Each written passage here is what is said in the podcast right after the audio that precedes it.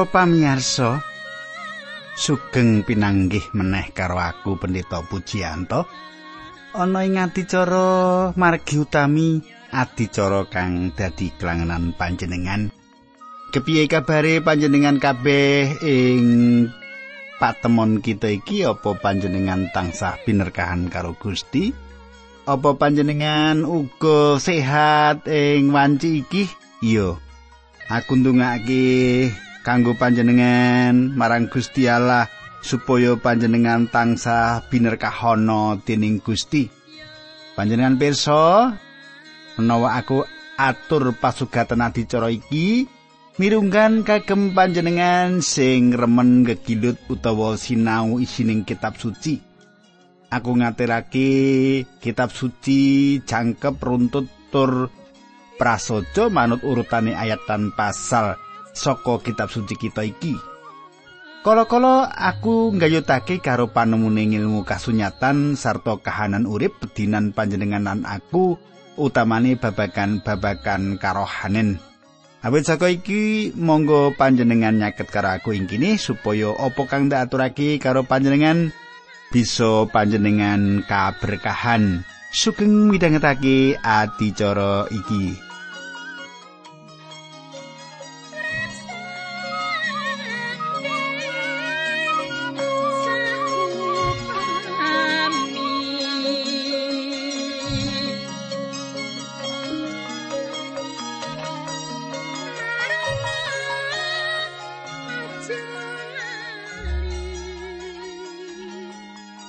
Sumitraku Patemon ing adicara kepungkur kita wis ngegulang bab peladosane Nabi Musa sing tansah merlokake Allah ana ing uripe. Nabi Musa tansah iling marang kekuatane dhewe sing ora kuagang nuntun bangsa Israel kaya dene dawuh Allah. Banjur kepiye saturse perjuangane Nabi Musa kanggo mbalekake bangsani menyang tanah perjanjian? Ayo bebarengan kita ngegirit nanging kita ayo padha marang ngarsane Gusti kanthi pandonga.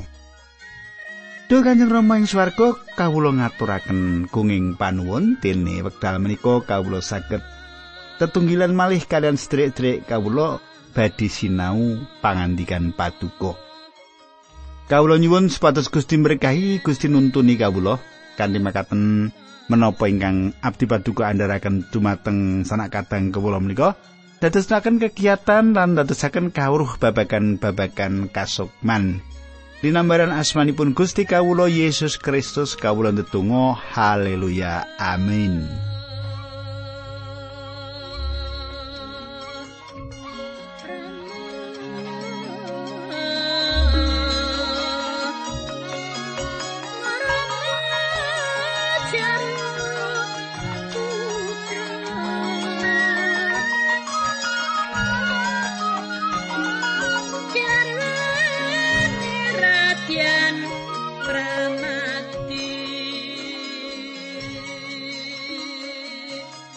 Kadangku kang ndak tresnani murwakani. Nggon kita ngegilut dina iki kita arep nyinau buku pangentasan utawa kitab pangentasan bab telung puluh papat ayat siji nganti papat.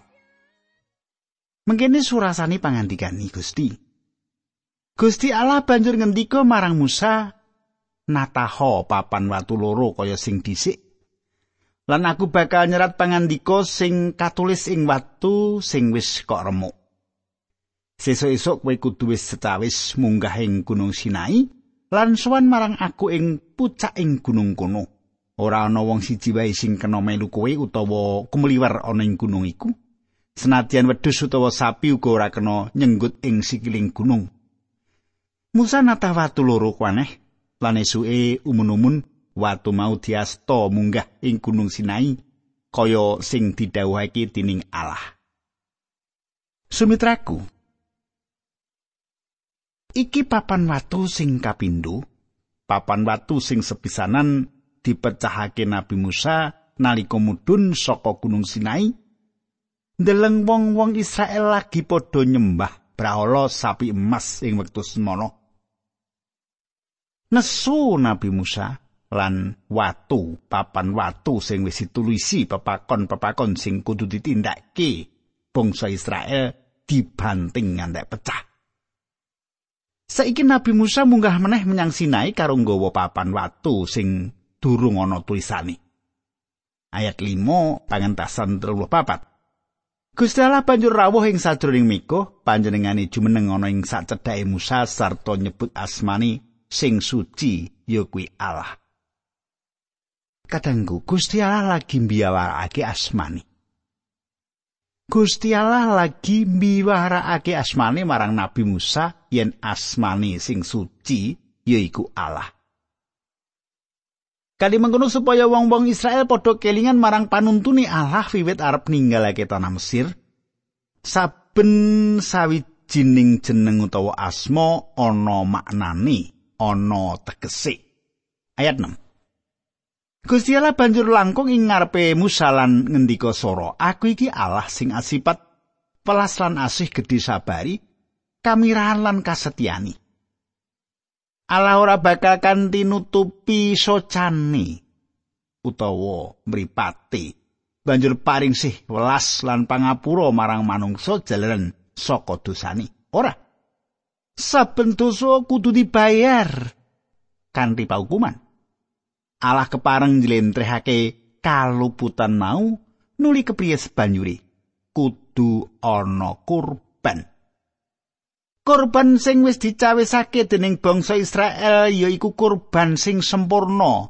Sapa meneh yen ora nggambarake Gusti Yesus Kristus? Dadi kurban sing sampurna sing sarana sedane ing kayu salib kabeh dosane manungsa ditebus supaya kaparingan pangapura saka Allah mung kurbani Gusti Yesus Kristus sing dadi keparingi Gusti Allah. Pangentasan telung papat ayat pitu. Aku netepi janjiku marang wong ewon-ewon sarta ngapura kaluputan panerak lan dosa. Nanging ngukum malsake kaluputane bapak marang anak putune nganti turun sing telulan ping yen dina iki panjenengan lan aku padha gawe dosa? Elinga. Besok anak utawa putu kita bakal ngunduh woing penggawi kita. Panjenengan lan aku ora bisa tumindak dosa lan sabanjure ora bakal nampa piwales utawa paukuman sing sakmestine. Gusti Allah iku langgeng lan hukum-hukume ora tau uwah gingsir. Ayat 8 Musa inggal-inggal sujud lan nyembah. Ayat 9 aturi Gusti. Menawi paduka saestu tresnani kawula, kawula nyuwun mugi kersa nyarengi kawula. Bangsa menika pancen wangkot manahipun nanging mugi kersa ngapunten dosa lan duraka kawula sedaya saha mugi kersa mundhut kawula sami dados kagungan paduka piyambak. Kadangku ature Nabi Musa. Nabi Musa iki wis kaping 4 matur marang Allah yen bangsa Israel iki bangsa sing wangkot. Allah kepareng milu jengake bangsa Israel ora jalaran bangsa iki hebat.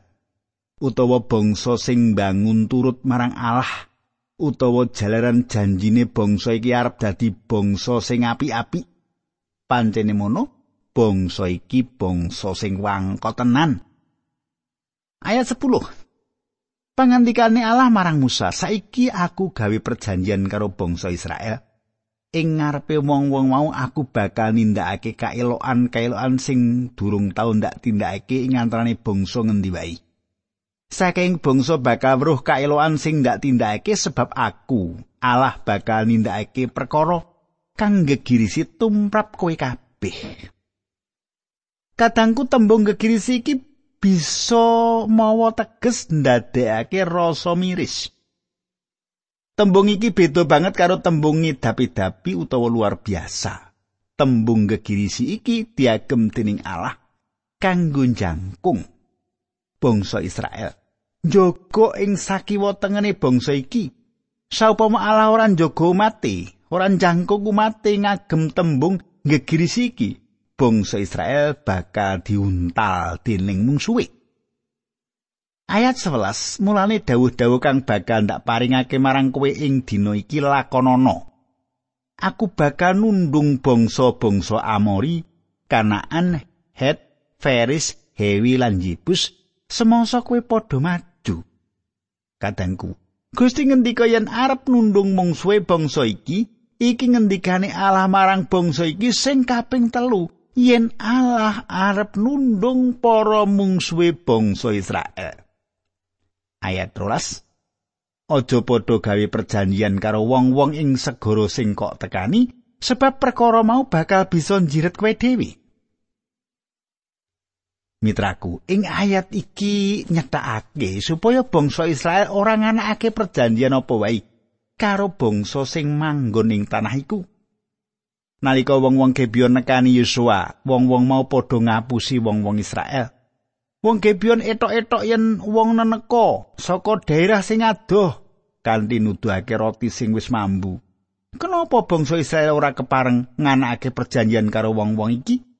Allah nguatirake yen nganti raket nggone sesrawungan karo bangsa-bangsa ing kono bangsa Israel bisa kajebak lan nglakoni meneh panyembahan marang Brahala. Pangentasan 34 ayat 13 nganti 14. Dadi aja padha nglakoni mengkono nanging mesbeh-mesbeh gempuren, tugu-tugune remuken lan cagak-cagake Brahala Asera duweke wong-wong mau rubuhno. Aja padha nyembah Allah liyane sebab aku iki Allah sing sujanen. Aku ora marangake yen ana wong nyembah marang Allah liyane. Sumitraku panjenengane Allah iki Allah sing buta jengan, buta repan, sujanan. Ora kersa para kagungan iku mangrotinga. Duweni dewa-dewa saliyane panjenengane Allah, dewa-dewa iki sanyatane mblasarake bangsa-bangsa iki Allah palsu. Pangentasan 34 ayat 15 nganti 17 mengkene surat salih. Aja padha gawe perjanjian karo bangsa ing negara mau, sebab menawa wong-wong mau padha nyembah Allah lan gawe kurban mesti bakal padha ngulemi kowe supaya melu mangan kurbani.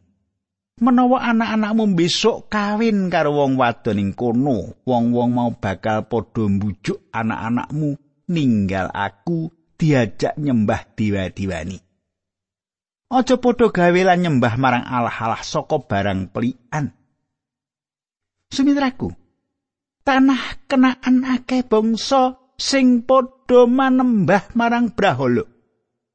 Kajaba manembah marang brahala wong-wong iki padha ora duweni moral sing apik. Allah ngimutake bangsa Israel supaya ora cantuk lawung karo bangsa-bangsa iku. Supaya ora ketularan moral lan nggone gugu lan percaya marang brahala malah Allah uga ndawi bangsa Israel supaya nundunga bangsa-bangsa sing bejat iku. Sebab Allah ngersakake jangkung lan ngrengkuh bangsa Israel iki supaya tetep suci ngabekti marang Allah wae nanging dasar Israel. Dasar Israel ora gelem setya tuhu marang Allah ora ngusir bangsa-bangsa iki saka tanah perjanjian wusanane bangsa Israel dibuang menyang Babilonia Pangentasan 34 ayat 13 24 selawe 26 mengkini surasani. Setahun kaping telu wong-wong lanang kabeh kudu padha sebo marang aku ala Israel. Sawise bangsa-bangsa ndak tundung sarta wilayahmu ndak lar, ora ana wong siji bakal wani ngrebut negaramu angger kowe padha tetep sebo marang aku setahun rambah kaping telu yaiku ing riyaya roti tanpa ragi riyaya panen lan riyaya unduh-unduh. Aja padha misungsungake roti sing digawe nganggo ragi semasa kowe misungsungake kurban kewan marang aku, kewan sing disembelih kanggo kurban riyaya Paskah ora kena nginep tekan dina esuke. Gandum kawitan pametune lemahmu sing apik dhewe kudu kok gawa menyang pedalemane Allah. Daginge cempe aja kok masak nganggo banyu susune mboke. Pangentasan 34 ayat 18 padha nganakno riyaya pesta roti tanpa ragi kaya sing wis ndak dawuhake marang kowe kowe kudu padha mangan roti tanpa ragi sajroning pitung dina ing sasi Abib sebab ing sasi kuwi kowe kabeh padha lunga saka ing tanah Mesir saben anak lanang barep serta kewan lanang sing lahir kawitan kuwi kagunganku. Nanging kuldi sing lahir kawitan iku kudu kok tebus nganggo cempening wedhus gembel. Siji minangka ijole yen kowe padha ora gelem nebus gulune kewan mau kudu kok putung. Saben anak lanang barep tebus sing sapa swan marang aku kudu nggawa pisungsung. Ayat selikur tulikur patlikur. Nem dina kowe padha nyambut gawe nanging ing dina kapitu padha lerena senadan ing mangsa mluku utawa ing mangsa panen. Setahun kaping telu wong-wong lanang kabeh kudu padha sebo marang aku alai Israel. Ayat 24 nganti 26 sawise bangsa-bangsa ndak tundung sarta wilayahmu ndak lar ora ana wong sing bakal wani ngrebut negaramu. Anger kowe padha tetep sebo marang aku setahun rambah kaping telu yaiku ing riyaya roti tanpa ragi riyaya panen lan riyaya unduh-unduh aja padha misungsungake roti sing digawe nganggo ragi semasa kowe misungsungake kurban kewan marang aku kewan sing disembelih kanggo kurban riyaya Paskah ora kena nginep tekan dina sesuke. Gandum kawitan pametune lemahmu sing apik dhewe kudu kok gawa menyang padalamane Allah. Daginge cempe aja kok masak nganggo banyu susune mboke. Kadangku ing samubarang bangsa Israel kudu ngutamakake Allah luwih dhisik. ora dikeparengake masak cempe bebarengan ing susu mbokne kabeh kudu dilakoni srana alami sing cocok karo kahanan. Ayat 29 nganti ayat telung puluh papat. Mengkini surasani nalika Musa mandap saka ing gunung Sinai ngasto angger-angger 10 mau pasuryani mencorong awit wis abenajeng karo Allah nanging Musa dhewe ora pirsa Bareng Harun lan para umat nyawang Musa padha weruh yen pasuryane Musa mencorong temah padha wedi nyedhaki. Musa banjur nimbali wong-wong mau Harun lan para tuwa-tuwane umat kabeh nuli ya padha nyedhaki Musa. Musa banjur ngendikani wong-wong mau. Sawise mengkono wong-wong Israel kabeh uga banjur padha kumpul nyedhaki sarta padha dipangandikani bab apa kang wis kadhawuhake dening Allah ing Gunung Sinai. Sadroning ngendikan karo wong-wong mau Musa nutupi pasuryane nganggo kacu. Ayat 34, semasa klebet ing kemah palengganing Allah perusuhan ing ngarsane Gusti Allah kacu mau dibuka. Sawise metu sakaing pangandikane Allah nuli didhawuhake marang bangsa Israel. Sumitraku kita wis ngancik pasal 35, kita arep nyinau ayat siji loro. Pangentasan 35 ayat 1 loro mengkene surasane tak wacake tekan ayat telu ya. Musa nglempakake bangsa Israel banjur ngendika marang wong-wong mau, iki dawuh Allah marang kowe kabeh sing kudu kok lakoni. Sadurunge 6 dina padha nyambut gawi, nanging dina kapitu kowe dina sing suci, dina kanggo ngaso dina gedhe sing dipiji kagem Allah, sapa wae sing nyambut gawe ing dina mau kudu dihukum pati. Daden geni ing omah ing dina sabat iya ora kena. Kadangku. Gusti Allah ing dina sabat ngaso. Lan Allah uga ngendika yen sabat iku minangka tandha mirunggan antarane Allah lan bangsa Israel. Saiki Gusti Allah wiwit maringi ular-ular sing cocok kanggo bangsa Israel supaya ora nemu alangan ing panggonan anyar. Sing sapa nyambut gawe ing dina sabat bakal nampa paukuman digruduk watu nganti mati. Hukuman Allah diyasa panjenengane cocok karo kahanan ing kono. Pangentasan 35 ayat 4 5 Musa ngendika marang bangsa Israel kabeh mengkene dawuh Allah nggawa pisungsung kagem Gusti Allah saka kang kok duweni? Sapa sing rila atine misungsungna mas loko utawa prunggu Kadangku pisungsung wujud apa wae sing kanggo kemah suci kudu dicaosake kanthi legawaning ati. Pisungsung iki dudu pro sepuluhan sing dicaosake wujud barang liyane kayata emas perak tembaga nuli dicatet ing ayat sak banjuri. Saiki ayat 6 nganti ayat 9 mengkini surasani. Kain lena alus uluning wedhus gembel kain biru wungulan abang kain saka wulu wedhus berok lulanging wedhus gembel lanang sing dipulas abang tulang alus kaya akasia lenga kanggo lampu bumbu kanggo lenga jebat sarta dupa sing arum akik delima lan akik liyane sing diembani nganggo kotang efot lan tutup dadani imam agung. Sumitraku iki ana barang sing ora padha sing dipisungsungake kanggo mbangun kemah suci nalika jaman iku durung ana dol tinuku sing ana kanthi barter ijol-ijolan barang Mula bangsa Israel seneng atur pisungsung arupa barang kanggo kemah suci lan pakaryane Allah. Cara kaya ngene iki uga bisa kanggo nyokong pakaryane Allah. Lan Allah ora nampik cara iki apa barang-barang sing maneka warna jinis iku oleh nggawa saka tanah Mesir sadurunge dadi batur tukon. Allah tau ngendika yen bangsa Israel ninggalake tanah Mesir bakal nggawa raja Brono sing akeh. Purwaning dumadi 15 ayat 14. Allah mesthake yen wong Israel sing padha dadi batur tukone Mesir bakal etuk pituwas sing murwat saka Mesir, malah apa wae sing dijaluk dening wong Israel bakal dituruti dening wong Mesir. Wong Israel nggawa raja Brono sing akeh saka Mesir. Pangentasan 35 ayat 31 nganti 35. Wong mau katedhaan ing roy Allah kaparingan keahlian, kaprigelan lan pangerten ing sawernaning pegawian. kanggo ngrancang apa wae kayata nggarap mas loko lan prunggu ngasahake sing bakal dimbani ngukir kayu sarta pegawean liyane. Gusti Allah maringi kabisan marang Besaleel mau lan iya marang Aholiab.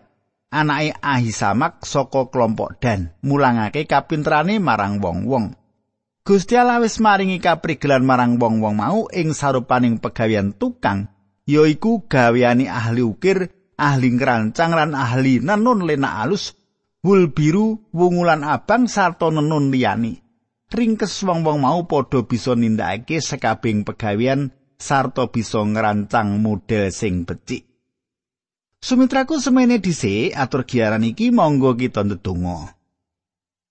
Duh Rama kawula ingkang wonten ing swarga ngaturaken gunging panuwun menawi wekdal menika kawula saged midhangetaken kayektosan kayektosan saking paduka Gusti.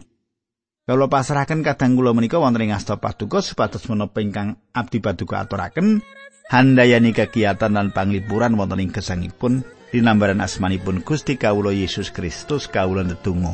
Haleluya. Amin.